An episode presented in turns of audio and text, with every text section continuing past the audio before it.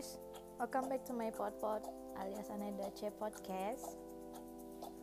Kali ini tanggal 4 April 2020. Akhirnya gue uh, bisa lebih gercep bikin konten ya, meskipun yang denger nggak banyak gitu. Semoga yang dengar banyak abisnya ya semoga jadi kali ini gue mau bahas tentang masih seputaran apa ya? Jadi konten gue kali kali kali ini adalah uh, jadi gue abis dapat edukasi.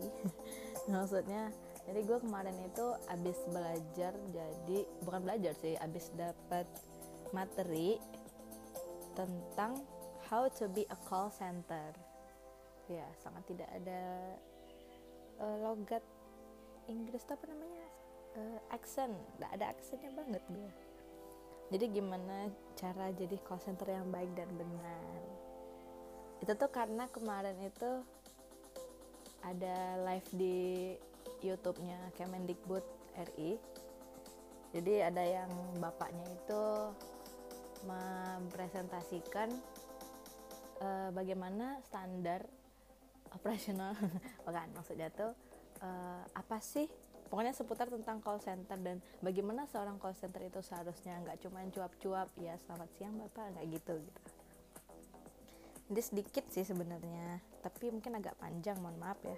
Semoga berguna sih sebenarnya. Hmm, first of all sebelum masuk ke dia sebenarnya ada beberapa itunya sih beberapa part-partnya. Misalnya yang pertama nih partnya ada prinsip prinsip call center. Terus ada uh, konsepnya. Terus ada standar minimal uh, seorang agen. Terus ada SOP agen sama bagaimana saat melayani. Terus nanti juga ada gue contohin gimana contoh percakapannya gitu. Singkat tapi ya. Nah mungkin itu part-partnya. Um, jadi yang pertama itu masuk langsung aja ya ke prinsip. Jadi prinsip call center itu ada 9 poinnya. Lumayan ya. Jadi sebenarnya jadi seorang call center itu nggak main-main gitu. Nggak cuma sekedar angkat telepon terus melayani udah tutup gitu. Mungkin buat sebagian orang yang pernah nelfon call center 112 mungkin atau 911 mungkin ya. Uh, atau call center uh, 14045 mungkin bisa jadi kan nggak mungkin kita yang jadi klien atau jadi pelanggan emang cuma nanya gitu kan. Mungkin buat orang yang beberapa kali uh, pernah coba nelpon call center pasti agak um, tinggal di ingatannya. Maksudnya itu khas itu seorang call center tuh gimana intonasinya gimana nadanya gimana uh, vokalnya gitu kan. Jadi nggak cuma sekedar angkat telepon biasa gitu. Langsung saja karena saya ada tadi banyak cuap ya prinsip ya sebenarnya tadi prinsip. Jadi yang pertama itu mudah prinsipnya. Jadi mudah nih nggak cuma sekedar uh, mudah apanya dulu gitu kan. Jadi mudah itu bisa uh, mudah diingat nomornya. Seperti yang kita tahu mudah diingat nomor itu jadi uh, bagaimana mengkonversi nomor yang tadinya panjang seperti nomor HP yang sekarang 12 digit sampai 13 digit itu jadi uh, 3 sampai 5 gitu. Apalagi kalau misalnya call center yang pemerintah gitu kan. Biasanya kan cuma tiga digit 112 satu emang untuk panggilan darurat itu emang harus gampang diingat gitu. Yang lima digit misalnya tuh kayak uh, kayak si apa sih delivery ordernya sebuah restoran gitu atau apa gitu. Contohnya sih 14045 tadi. Nah selain mudah diingat nomornya tadi jadi orang nggak perlu ngafal sesusah juga mudah dihubungi gitu. Jadi uh, ketika dihubungi emang tidak membuat si klien ini menunggu gitu. Jadi emang uh, definisi mudah dihubungi ini kan ketika kita hubungi diangkat. Jadi kita langsung bisa mengakses si call centernya itu gitu kan. Mengakses ya gitu. Terus biaya. Apalagi untuk uh, yang berbasis pemerintah ya misalnya kayak 112 panggilan darurat tadi atau misalnya dalam hal sekarang ini call center COVID-19 sebenarnya ini tentang materi COVID-19 sebenarnya. Jadi biayanya nih kalau misalnya apalagi pemerintah harusnya tidak memberatkan si klien apalagi dia ketika membutuhkan um, bantuan gitu. Kita ketika membutuhkan data dan informasi terkait misalnya saja COVID-19 ini mungkinnya dia mau nanya data rumah sakit eh data um, berapa orang yang udah uh, terinfeksi berapa orang yang uh, sembuh berapa orang yang meninggal kayak gitu kan. Atau mungkin dia butuh apa aja sih gejala-gejala klinisnya si COVID-19 ini? Atau juga uh, apa lagi namanya? Jadi intinya emang untuk kepentingan kesehatan gitu kan. Jadi kan kalau biasanya untuk pemerintah tuh tidak dibebankan ke si klien berapa biayanya gitu. Kecuali kalau misalnya itu untuk perusahaan-perusahaan lain yang emang misalnya si satu perusahaan Palima tadi gitu kan. Mungkin itu uh, akan memakan biaya dibanding dengan yang pemerintah punya tadi gitu. Terus tid, uh, tidak membebani seperti yang tadi dibilang. Jadi karena biaya karena biaya dikategorikan mudah jadi tidak membebani si klien atau pelanggan ini. Jadi orang juga tidak akan um, berpikir dua kali kalau mau nelpon apalagi dalam keadaan darurat gitu kan. Prinsip kedua cepat cepat di sini itu adalah jadi ketika ditelepon kan ada bunyi masuk tuh net net. Dering ketiganya itu harus sudah diangkat maksimal dering ketiga udah harus diangkat teleponnya.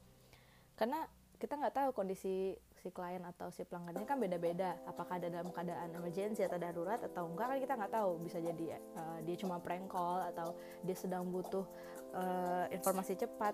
Jadi dering ketiga udah harus diangkat itu uh, call center yang uh, memenuhi yang bisa dikatakan bagus gitu. Sehingga si pelanggannya ini nggak menunggu gitu dapat tanggapan cepat. Jadi feedback nantinya tuh juga wah bagus nih pemerintah melayani dengan cepat. Maksudnya dengan tang tanggap sigap cekatan ulet gitu. Terus yang ketiga akurat. Nah jadi data dan informasi yang kita berikan kan misalnya dia nanya tentang data atau ke mana sih rumah sakit rujukannya gitu kan datanya harus akurat gitu udah udah dapat dipertanggungjawabkan kebenarannya. Jadi nggak hoax gitu. Jadi orang kan sekarang nih berseliweran tuh ya. Apa namanya berita-berita apalagi saat sekarang ini beritanya banyak yang nggak benar hoax dan lain-lain apalagi yang lewat WhatsApp keluarga gitu kan. Nah jadi untuk uh, kan emang ada orang-orang yang tidak uh, yang tidak gampang percaya. Maksudnya kayak uh, belum tentu kan berita di sini benar. Jadi dia bisa nelfon call center ini untuk mengetahui data yang, da yang dia dapatkan memang benar sudah terkonfirmasi gitu.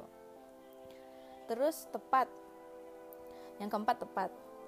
Nah jadi tepatnya ini adalah jadi kan di call center itu yang menerima menerima telepon itu namanya agent. Jadi agent itu harus sigap tanggap dan harus bisa menangkap apa yang ditanyakan gitu. Jadi kita nggak yang e, mohon maaf pak bahasanya gimana gitu. Jadi jadi si kliennya nggak perlu mengulang berkali-kali gitu. Jadi langsung paham apa yang sedang ditanyakan sedang dibicarakan oleh si klien ini. Dan bahasanya harus cermat bukan bahasa alay atau bahasa gaul. Jadi kayak bukan slang words yang kayak kita nelfon biasa. Namanya juga call center. Karena karena meskipun orang uh, si pelanggan atau klien kita itu menggunakan bahasa yang berbeda-beda ya pastinya gitu.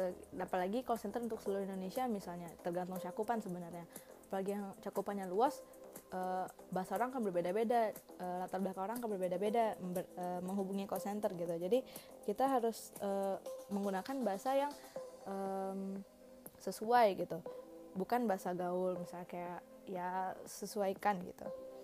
Terus uh, kaidah penggunaan bahasanya harus kaku dan sesuai dengan uh, ejaan yang disempurnakan atau bahasanya itu KBBI. Terus semangat semangat uh, yang berhubungan dengan nada dan intonasi gitu. Jadi harus semangat me melayaninya gitu. Jadi misalnya contohnya selamat pagi gitu kan. Kan misalnya bilang selamat pagi gitu kan. Ada ada naik turun nada intonasinya gitu. Jadi nggak yang selamat pagi gitu kan. Nggak ada semangatnya gitu. Sebenarnya semangat kita bisa terlihat eh, bisa terlihat bisa terdengar langsung ditangkap sama klien itu hanya dari intonasi kita tadi gitu. Nah jadi jadi uh, kliennya tuh pun me mendengar kita tuh wah nih call centernya semangat nih melayani masyarakat gitu kan. Jadi feedback ke kita positif misalnya nih selamat pagi call center covid 19 ada bisa kami bantu? Gitu. Ada bisa kami bantu? Kan agak naik tuh intonasinya gitu kan. Jadi nggak yang misalnya kalau nggak ada semangat tuh jadi kayak selamat pagi uh, call center covid-19 bisa dibantu gitu. Seakan-akan kita males melayani gitu. Jangan sampai kayak gitu gitu kan terus yang kelima poinnya uh, luas. Luas di sini ada apa nih gitu kan? Luas di sini jaringan harus luas narasumber. Jadi uh, narasumber di sini maksudnya adalah ketika uh, klien atau pelanggan itu nelfon ke kita menanyakan suatu data si call centernya kan tidak ya dia memiliki panduan dia memiliki berbagai data informasi di depan dia gitu kan yang bisa diakses langsung dengan cepat. Tapi kan uh, pertanyaan dari berbagai klien dan call center eh di klien pelanggan itu tidak se selalu kita bisa jawab gitu kan kadang memang di luar dari uh, ekspektasi dan prediksi kita ya dia mau bertanya apa gitu kan.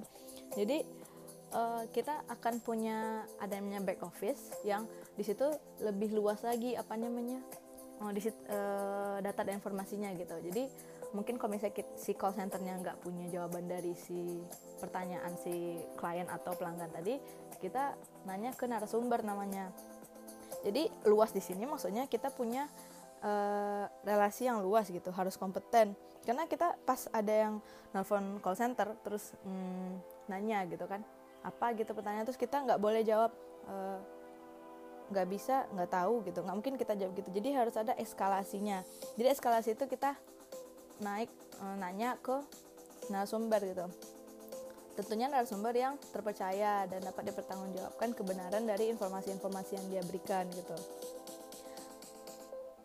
Nah, jadi untuk misalnya ada pertanyaan dan kita nggak mungkin kan menggantung teleponnya lama, terus kita nanya dulu ke narasumber, mungkin gitu kan. Apalagi dia butuh data cepat gitu dan mungkin banyak hal yang bisa dilakukan daripada nunggu kita nyari jawaban gitu kan. Maksudnya itu dalam keadaan telepon digantung gitu. Jadi kita bisa bilang, baik Bapak Ibu, tentang hal ini kami belum dapat datanya. Mohon Bapak Ibu meninggalkan nomornya dan akan kami telepon kembali untuk jawabannya setelah kami mendapatkan jawaban dari narasumber kami gitu. Jadi kita janjikan jam berapa kita akan memberikan uh, jawaban dari pertanyaannya tadi gitu? Emang dijanjikan gak cuma ngambang gitu aja gitu. Nah terus selanjutnya jelas. Jelasnya ini adalah kemampuan komunikasinya itu memadai gitu. Jadi uh, olah vokalnya artikulasinya tepat pemilihan diksinya bagus. Terus uh, gunanya pemilihan diksi bagus ini adalah agar tidak membingung, membingungkan si klien atau pelanggan tadi. Kalau misalnya kata kita kata kata kita terlalu berbelit jadi uh, uh, si kliennya ini bisa bingung gitu ini maksudnya apa sih gitu kan. Sebenarnya untuk yang poin jelas ini vokal artikulasi menandik sini perlu latihan dan kebiasaan. Apalagi uh, juga diperlukan empati dan sopan santun untuk jadi call center ini. Terus selanjutnya poin selanjutnya yang ketujuh itu adalah oh ternyata poinnya ada 8 yang ketujuh itu santun. Santun nih maksudnya adalah ramah, sopan, sabar, empati. Ini empat poin yang penting banget nih.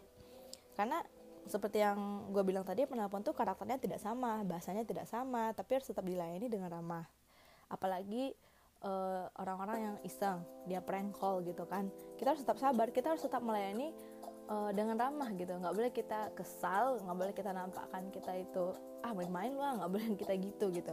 Jadi siapa pun tetap kita harus layani gitu. Meskipun di, uh, kita di awal kita uh, layani dengan ramah ternyata di pertengahan kita dipermainkan atau uh, ada komplain di tengah-tengah atau dia marah sama kita atau kesal gitu.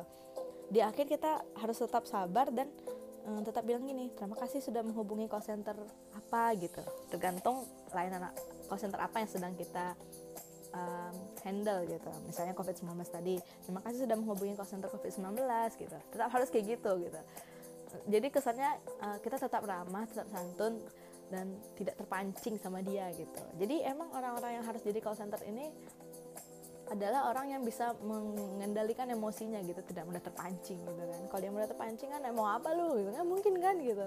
Apalagi yang namanya jejak apa sih namanya? Bukan jejak digital ya. Apa sih? Pokoknya apa yang kita pernah telepon bicarakan dalam sebuah jaringan tuh terekam gitu kan. Nggak mungkin kan kita bilang gitu Terus yang kedelapan prinsipnya adalah akuntabel. Jadi akuntabel ini maksudnya adalah siap dievaluasi jika terjadi mispersepsi. Kan namanya juga call center manusia gitu kan. Pasti ada kesalahannya, ada missnya gitu kan. Harus uh, apalagi hal-halnya itu bisa merugikan si penelpon atau si klien atau pelanggan tadi gitu. Jadi si agent ini harus harus siap dan harus bisa dievaluasi melalui rekaman audio gitu. Jadi emang harus berhati-hati dan siap untuk dievaluasi. Sebenarnya kan evaluasi itu wajar sebenarnya kan untuk hal apa pun harus siap dievaluasi. Nah itu untuk poin prinsip. Selanjutnya poin konsep. Poin konsep nggak sebanyak prinsip tadi, jadi konsepnya adalah call center ini tidak hanya call center jadi sebenarnya call center ini um, udah dikonversikan jadi kontak center kenapa karena um, zaman sekarang apalagi media sosial udah banyak teknologi udah berkembang banget dan pesat gitu kan. Jadi nggak cuman call yang kita terima tapi bisa jadi dari media sosial bisa dari chat web chat atau berbagai lainnya. Apalagi sekarang udah berkembang banget Instagram. Bisa lewat DM kan nggak selalu call gitu atau Twitter atau apa ya WhatsApp atau Line atau apa pun media sosial. Maksudnya itu dalam bentuk apa pun tidak hanya call harus bisa seorang kontak center tadi gitu jadi mulai sekarang namanya kontak center ya tapi ntar kalau nggak sebut maafin Nah, terus selanjutnya adalah standar minimal agent.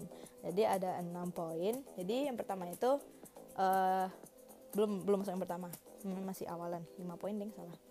Jadi agent itu harus terpercaya, harus kredibel, harus punya knowledge, harus punya skill, harus punya attitude yang bagus, attitude, aduh, dan kemampuan komunikasi yang baik dan benar dan bagus dan santun ya gitu.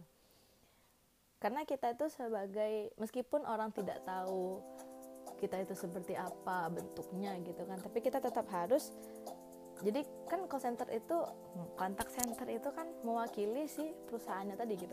Kalau misalnya kontak centernya bagus ramah baik sopan santun empati gitu kan orang yang penelpon ini uh, anggap dia belum tahu tentang perusahaan ini atau layanan ini gitu atau apa pun yang sedang dia teleponnya gitu. Dengan dia mendengarkan dijawab teleponnya dengan baik ramah dan sabar gitu kan orang itu akan membentuk persepsi yang wah bagus nih pasti kontak centernya aja bagus gitu. Gitu.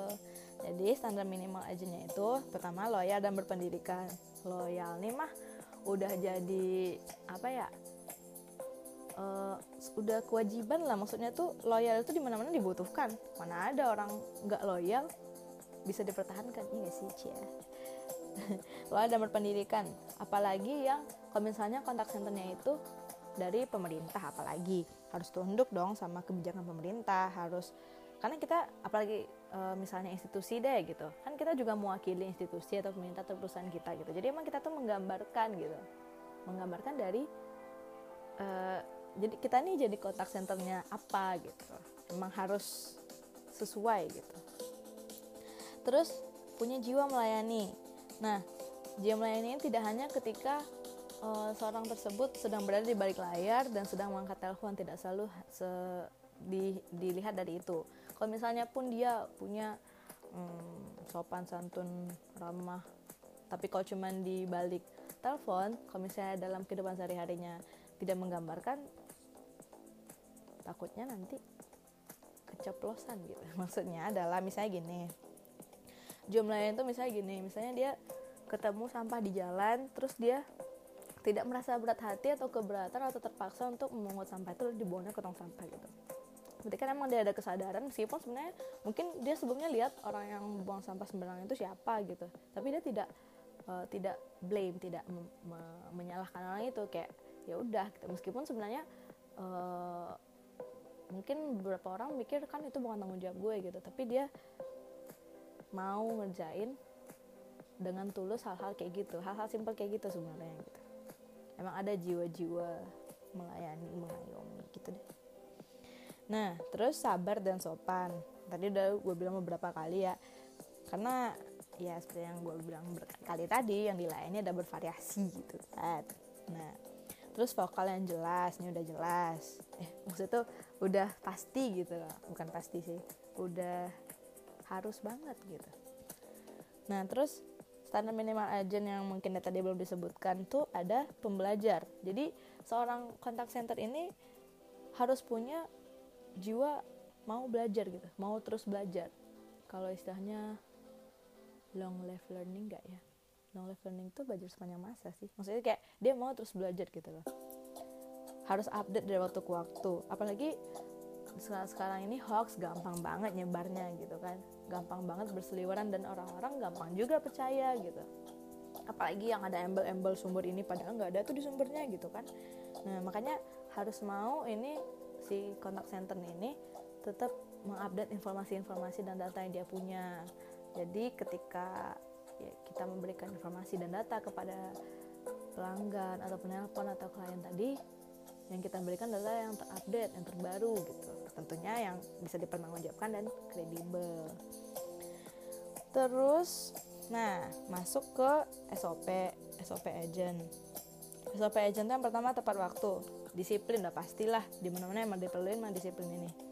Terus janji layanan, ada yang namanya janji layanan. Janji layanan ini seperti tadi gue bilang kalau misalnya ada pertanyaan tidak bisa kita jawab gitu kan harus kita bilang gitu Bapak Ibu mohon maaf untuk jawaban ini kami belum dapat. Kemungkinan kita akan diperpanjang sampai jam 6 sore. Ini kalau misalnya tadinya uh, udah kita suruh tunggu misalnya sampai jam 3 awalnya gitu kan. Ternyata sampai jam 2 belum bisa nih dapat jawabannya dari narasumber gitu. Masih dicari jawabannya. Nah kalau misalnya tadinya kita janji jam 3 untuk ngasih jawaban jam 2 tuh kita harus sudah nelpon lagi gitu. Jadi nggak nunggu jam 3 dulu baru kita telepon lagi gitu maksudnya kita mengextend waktu dia untuk menunggu itu tidak di detik ketika dia harusnya sudah dapat info gitu. Kalau bisa secepat mungkin ya sejam lah gitu. Kita harus udah nelfon lagi bilang yang kayak tadi gue bilang gitu. Nah terus karena karena pertanyaannya macam-macam gitu kan yang orang mau tanyakan tuh beragam dan kita belum tentu bisa dapat uh, jawaban itu secepat mungkin gitu. Meskipun kita tetap berusaha mencari tapi yang namanya ya gimana gitu kan. Terus oh ya gunanya tepat waktu tadi itu adalah untuk menjaga kredibilitas kita juga gitu. terus berhias.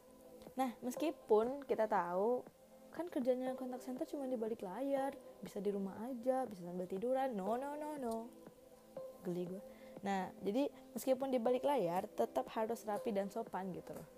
Kenapa? Karena uh, mungkin teman-teman ada yang tahu ada yang enggak kalau kontak center itu uh, biasanya dia selalu ada kaca di depannya gitu. Jadi merefleksikan dia gitu. Makanya harus berhias gitu. Jadi uh, kita berkaca dengan diri kita meskipun kita nelfon orang dan orang yang nggak tahu kita kayak apa bentuknya gitu kan tapi kita harus merefleksikan karena kita kalau berkaca itu kan kita kayak kita pasti mau terlihat yang paling uh, bagus yang paling cantik yang paling anggun gitu kan. Yang paling cakep lah pokoknya gitu kan. Senyum yang paling manis dah pokoknya yang dikasih kalau lagi ngaca gitu kan. Ya pasti dong gitu. Kita semua mau terlihat bagus gitu. Bagi depan orang lain. Bagi depan doi gitu deh. Nah jadi cerminan cerminan itu memperlihatkan bagaimana kita e, ketika berhadapan dan bertatapan dengan klien. Anggap klien itu adalah yang kita berkaca ini gitu. Gimana kita mau dilayani bagaimana kita mau di di di apa ya dilayani dengan ramah sopan dan senyum tadi gitu. Karena sadar atau enggak kalau misalnya kita ngomong atau nelpon orang dalam keadaan senyum dan uh, mood lagi bagus gitu kan itu akan beda nyampe nya ke telinga orang kalau misalnya kita lagi cemberut kita lagi sedih gitu mood lagi nggak jelas akan beda nyampe nya gitu. Meskipun dia nggak lihat hmm, kayak mana mimik muka kita gitu. Oke. Okay? terus yang ketiga pakaiannya nggak ketat apa hubungannya gitu kan? Kan dia nggak lihat kita gitu kan? Iya tidak maksud itu kayak mau kita ketat mau enggak dia nggak lihat kita pakai baju apa hari ini gitu kan juga tidak akan mengganggu konsentrasi si penelpon gitu. Cuman kalau misalnya pakaiannya terganggu pakaian terganggu pakaiannya tuh ketat akan terganggu tarikan napas kita gitu loh. Jadi kalau misalnya ketat kan ngiket tuh gitu kan otomatis ganggu kita narik napas nah, ganggu gerakan tubuh saat kita melayani. Karena ada eh, ada karena ada kadang orang yang uh, ngobrol atau nelfon itu dia nggak cuma diam gitu aja tangannya gerak-gerak gitu ada kayak gitu gitu kan. Jadi bisa mempengaruhi gitu. Nah kalau misalnya tarikan napasnya terganggu dan kedengeran sama si klien ini jadi kan dengannya kok dia kenapa sih melayani atau jadi call center? Gimana sih dia lagi sakit apa kenapa sih? gitu. Kan selamat pagi gitu kan nggak mungkin keputus-putus kitanya gitu loh. Nah terus habis itu duduk relax dan tidak tegang pastinya. Karena kita kalau mau jadi call center meskipun misalnya ini pertama kali kita jadi kontak center nih kan takut nih pertanyaan apa sih yang bakal ditanya orang? gitu kan. Pasti ada perasaan kayak deg-degan gitu itu mah wajar ya. Tapi dengan seiring berjalannya waktu gitu kan namanya juga latihan tuh eh namanya juga pertama kali biasa gitu. Tapi dengan latihan biasanya akan jadi lebih baik gitu karena practice makes perfect aja nah gitu deh tapi nggak juga yang santuy banget gitu. Jadi nggak yang sambil tiduran juga nggak yang sambil uh, juga gitu. Jadi emang tetap ya relax lah relax san santai tapi nggak yang santuy banget gitu.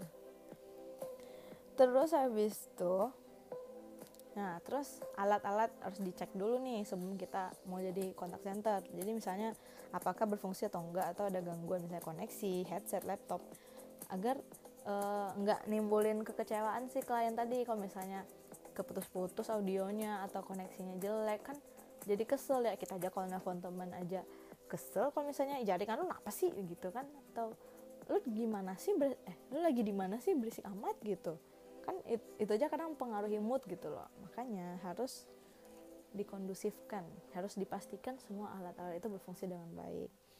Terus siapkan alat tulis. Meskipun di depan kita ada laptop ada komputer gitu kan tetap harus siapkan alat tulis gitu. Dan siapkannya tuh misalnya kita siapin pena atau pensil tuh nggak cuma satu atau dua gitu. Jadi emang harus eh nggak cuma satu boleh dua sampai tiga atau lebih. Karena kalau misalnya uh, kita lagi nulis misalnya lagi macet atau patah atau gimana pensil ya patah ya. Uh, jadi kliennya nggak nunggu lama jadi nggak delay dalam layanan gitu. Jadi misalnya hmm, dia ngasih masukan atau apa gitu kan. Kita nyatatnya juga uh, enak nggak nggak misalnya kayak kalau misalnya penanya macet atau gimana tiba-tiba tintanya habis. Terus kita lagi nggak terus kita kita lagi nggak ada backupnya gitu kan. Takutnya malah nanti itu uh, eh gimana pak? Mohon maaf nggak mungkin kan kita minta dia untuk ngulang dua kali gitu loh. Makanya harus tetap standby. Terus penerangan cukup agar mata tidak terganggu. Nah ini misalnya kayak misalnya ini dalam ruangan tertutup gitu kan. Terus kita lampunya mati lampu ruangannya mati cuman uh, layar komputer doang yang hidup misalnya. Itu kan juga mengganggu uh, apa namanya konsentrasi kita. Dan kita juga jadinya nggak bisa berkaca kayak ke cermin tadi gitu loh terus hmm, nah ini poin selanjutnya udah gue bilang tadi di depan cermin. Karena kita bisa merefleksikan sedang berhadapan dengan klien itu kita seperti apa gitu loh. Sebenarnya kita maunya terlihat se cakep mungkin gitu kan seenak dilihat mungkin gitu. Seenak mungkin untuk dilihat gimana sih? Terus siapkan panduan. SOP, tools, buku pintar. Jadi nanti kalau di kontak center tuh ada dikasih buku pintarnya gitu yang berisi semaksimal mungkin ada tuh data informasi yang kira-kira bakal ditanyain. Istilahnya frequently asked question. Wes keren banget. Nah gitu. Jadi seluruh data informasi udah disiapkan agar performanya tetap oke okay dan gak nyari-nyari lagi. Terus siapkan referensi data sama tuh yang tadi. Terus siapkan link. Link misalnya tuh ya masih data dan informasi sebenarnya. Kalau misalnya tentang covid-19 list rumah sakit rujukan desk dokter sama alamatnya terus nomor HP sama jangkauannya harus luas. Terus habis itu antisipasi eskalasi. Yang antisipasi eskalasi ini misalnya tadi yang nggak ada jawaban tadi kita nanya ke narasumber yang tadi. Jadi kita misalnya nggak tahu tadi bilangnya uh, habis kita ketemu jawabannya gitu kan kita nelfon lagi ini jawabannya bapak ibu bla bla bla bla mohon maaf atas keterlambatannya gitu. Terus buat laporan layanan karena sebenarnya kita habis ngapa-ngapain tuh harus bikin laporan pastinya gitu untuk bahan evaluasi juga kan misalnya laporan masuk berapa yang udah terjawab berapa yang belum terjawab berapa yang eskalasi berapa yang prank call berapa gitu kan. Jadi ada yang namanya uh, eh, KPI KPI KPI kayaknya lebih enak ya. Key Performance Indicator. Jadi ini nih untuk menilai kualitas layanannya tuh gimana gitu. Nah terus habis itu aduh banyak juga ya. Mohon maaf nih guys terus saat melayani. Nah saat melayani itu um, misalnya yang pertama mengangkat telepon maksimal dari yang ketiga gitu. Nanti contohnya gue contohin. Mengangkat telepon maksimal dari yang ketiga. Jadi tenenet tenenet tenenet itu maksimal harus diangkat. Kalau bisa secepatnya mungkin gitu. Dari yang pertama kalau bisa gitu kan. Jadi orangnya nggak nunggu lama gitu. Terus yang kedua adalah rasanya saat melayani. Kayak yang gue bilang tadi karena mood eh karena kedengarannya akan beda kalau misalnya kita senyum dengan biasa aja gitu bakal beda. Misalnya kayak ini nih. Nah kalau kayak gini nih gue lagi senyum nih, nih dibanding sama kayak gini beda nggak? Kayaknya enggak ya. Harusnya beda gitu. Apalagi dipengaruhi mood gitu kan. Kalau tadi kan gue sengaja. Nah terus menyebut salam. Ini harga mati banget nih jadi kita nggak pakai kata halo lagi. Jadi kita pakai selamat pagi selamat siang selamat sore selamat malam tergantung dengan keterangan waktu gitu. Terus sebut nama diri dan uh, institusi kita berasal. Misalnya selamat pagi. Contohnya tadi gue dari covid-19 misalnya. Eh maksudnya dari layanan covid-19 gitu. Selamat pagi call center covid-19 dengan HWD bisa dibantu. Nah intonasi tadi harus tepat gitu kan. Jadi kita tetap memperkenalkan diri kita kayak tadi selamat pagi tuh yang salam tadi itu kan. Eh ya terus uh, call center bahwa kita ada layanan call center call center. Jadi dia nelfon kita tuh nggak salah sambung. Terus covid 19 tadi layanan covid 19 gitu.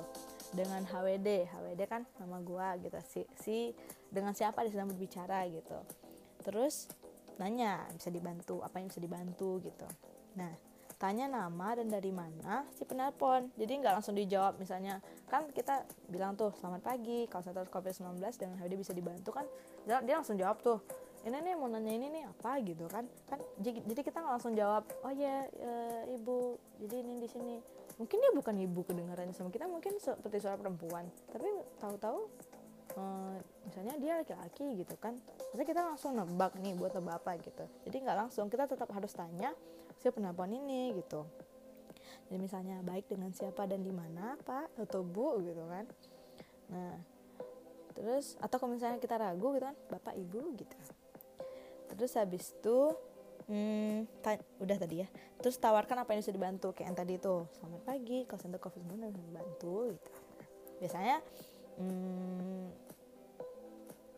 misalnya tuh maksudnya tuh gini habis kita bilang opening opening intro tadi selamat pagi dengan dia bisa dibantu? Terus dia jawab pertanyaannya apa? Gitu kan. Kita langsung save pertanyaannya gitu. Maksudnya kita kita nggak akan nanya dua kali pertanyaan apa yang bisa dibantu eh, kita nggak akan nanya dua kali apa yang bisa kita bantu gitu. Jadi setelah dia nyebut nama kita langsung ngasih jawaban gitu loh. Dia tidak bertele-tele juga.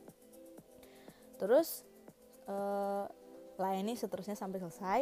Terus habis itu Selama pelayanan, sebut nama klien itu tiga kali maksimal. Jadi di awal, seperti kita nanya tadi, bisa kita jawab baik, misalnya yang nelfon bapak namanya uh, eh ibu namanya Ayu misalnya kan, baik Bu Ayu, misalnya jawaban tadi um, dia nanya apa gitu kan, terus kasih jawabannya. Nah, terus di tengah sama di akhir gitu, itu maksimal tiga kali. Tapi kalau mau nggak nyampe segitu, misalnya kayak maksudnya tuh jangan terlalu banyak nyebut namanya gitu. Pokoknya masa tidak nyaman gitu deh. Terus beri respon sekali dengan uh, kata iya atau baik atau oke okay, gitu. Tapi sebaiknya nggak pakai oke okay sih ya atau baik gitu. Jadi kliennya nggak ngomong sendiri merasa direspon merasa ada yang mendengarkan gitu. Ada respon meskipun kecil ya cuman ya baik baik bu baik pak gitu. Jadi tetap dia merasa tidak ngomong sendiri gitu. Jadi misalnya uh, dia menjelaskan panjang lebar jadi saya habis pulang dari sini dari daerah red zone atau gimana ini ini, baik bu baik bu baik pak gitu. Jadi dia merasa nih teleponnya masih nyambung gak sih? Ada yang dengerin gak sih? Gitu. Jadi nggak mikir kayak gitu. Hmm, itu doang sih kalau untuk saat melayani nah untuk contohnya gue contohin. Jadi gue udah minta tolong teman gue nelfon gue jadi gue pura-pura jadi call center dan dia jadi klien gitu. Pura-pura sih sebenarnya.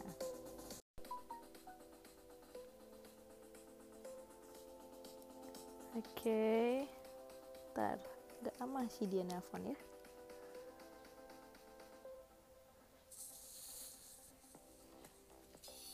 Nah oke. Okay. dia sudah nelfon.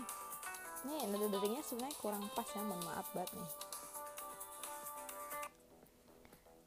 Selamat pagi, call center COVID-19 dengan HWD bisa dibantu? Uh, saya ingin tahu rumah sakit rujukan untuk COVID-19 yang ada di Jakarta di mana ya? Uh, baik, dengan siapa di mana? Dengan Bintang di Jakarta. Baik Pak Bintang, rumah sakit rujukan COVID-19 di Jakarta ada tiga rumah sakit. Yang pertama rumah sakit eh, RSPI Dr. Sulianti Saroso, Rumah Sakit Umum Persahabatan, dan RSPAD Gatot Subroto. Itu Pak Bintang, rumah sakit yang Bapak maksudkan. Masih ada lagi yang bisa kami bantu? Sudah cukup, terima kasih. Baik Pak Bintang.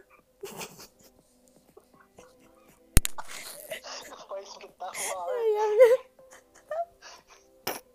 ayamnya dua kali. Aku capek malah tadi.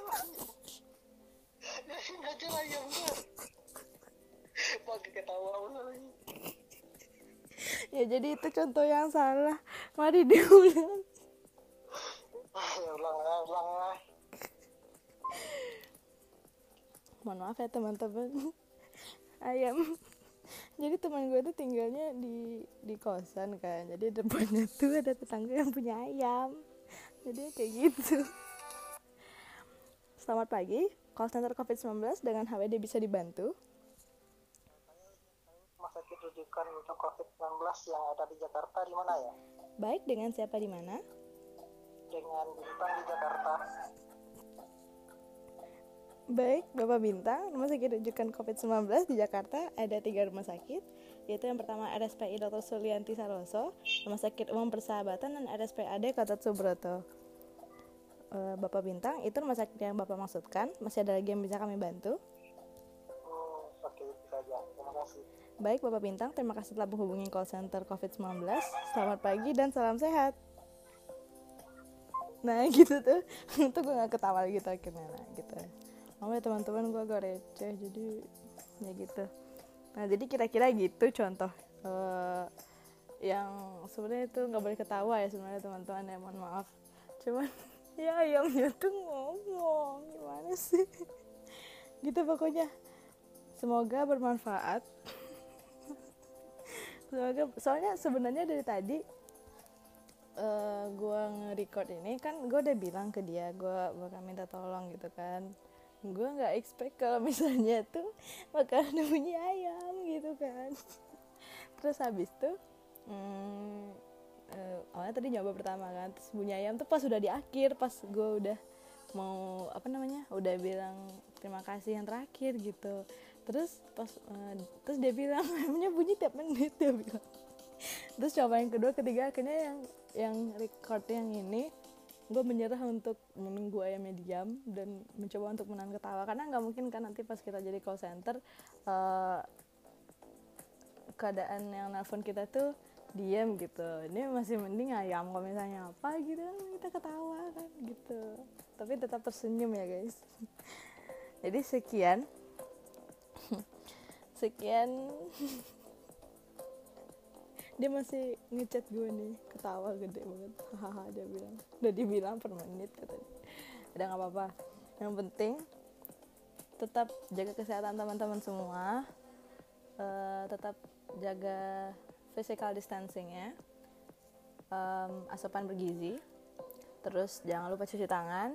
Dan tetap menjaga kebersihan meskipun cuma di rumah-rumah aja. Dan jangan lupa meskipun di rumah aja jangan sampai kita tuh rebahan terus gitu. Jadi emang harus ada melakukan aktivitas jadi jadi ntar pas misalnya ketika pandeminya udah berakhir covid-19 nya udah go away gitu kan jadi kitanya pas uh, aktivitas lagi tuh nggak lesu nggak lemes nggak kekurangan tenaga gitu. Jadi kita tetap terbiasa untuk melakukan aktivitas sehari-hari yang membutuhkan banyak energi gitu Uh, mungkin ini podcast terpanjang gue ya sekitar 30 hampir 40 menit. Tapi semoga ini mengedukasi dan memberikan uh, manfaat untuk teman-teman semua yang mendengarkan. See you when I see you till we meet again. The next to the next pod pod. Goodbye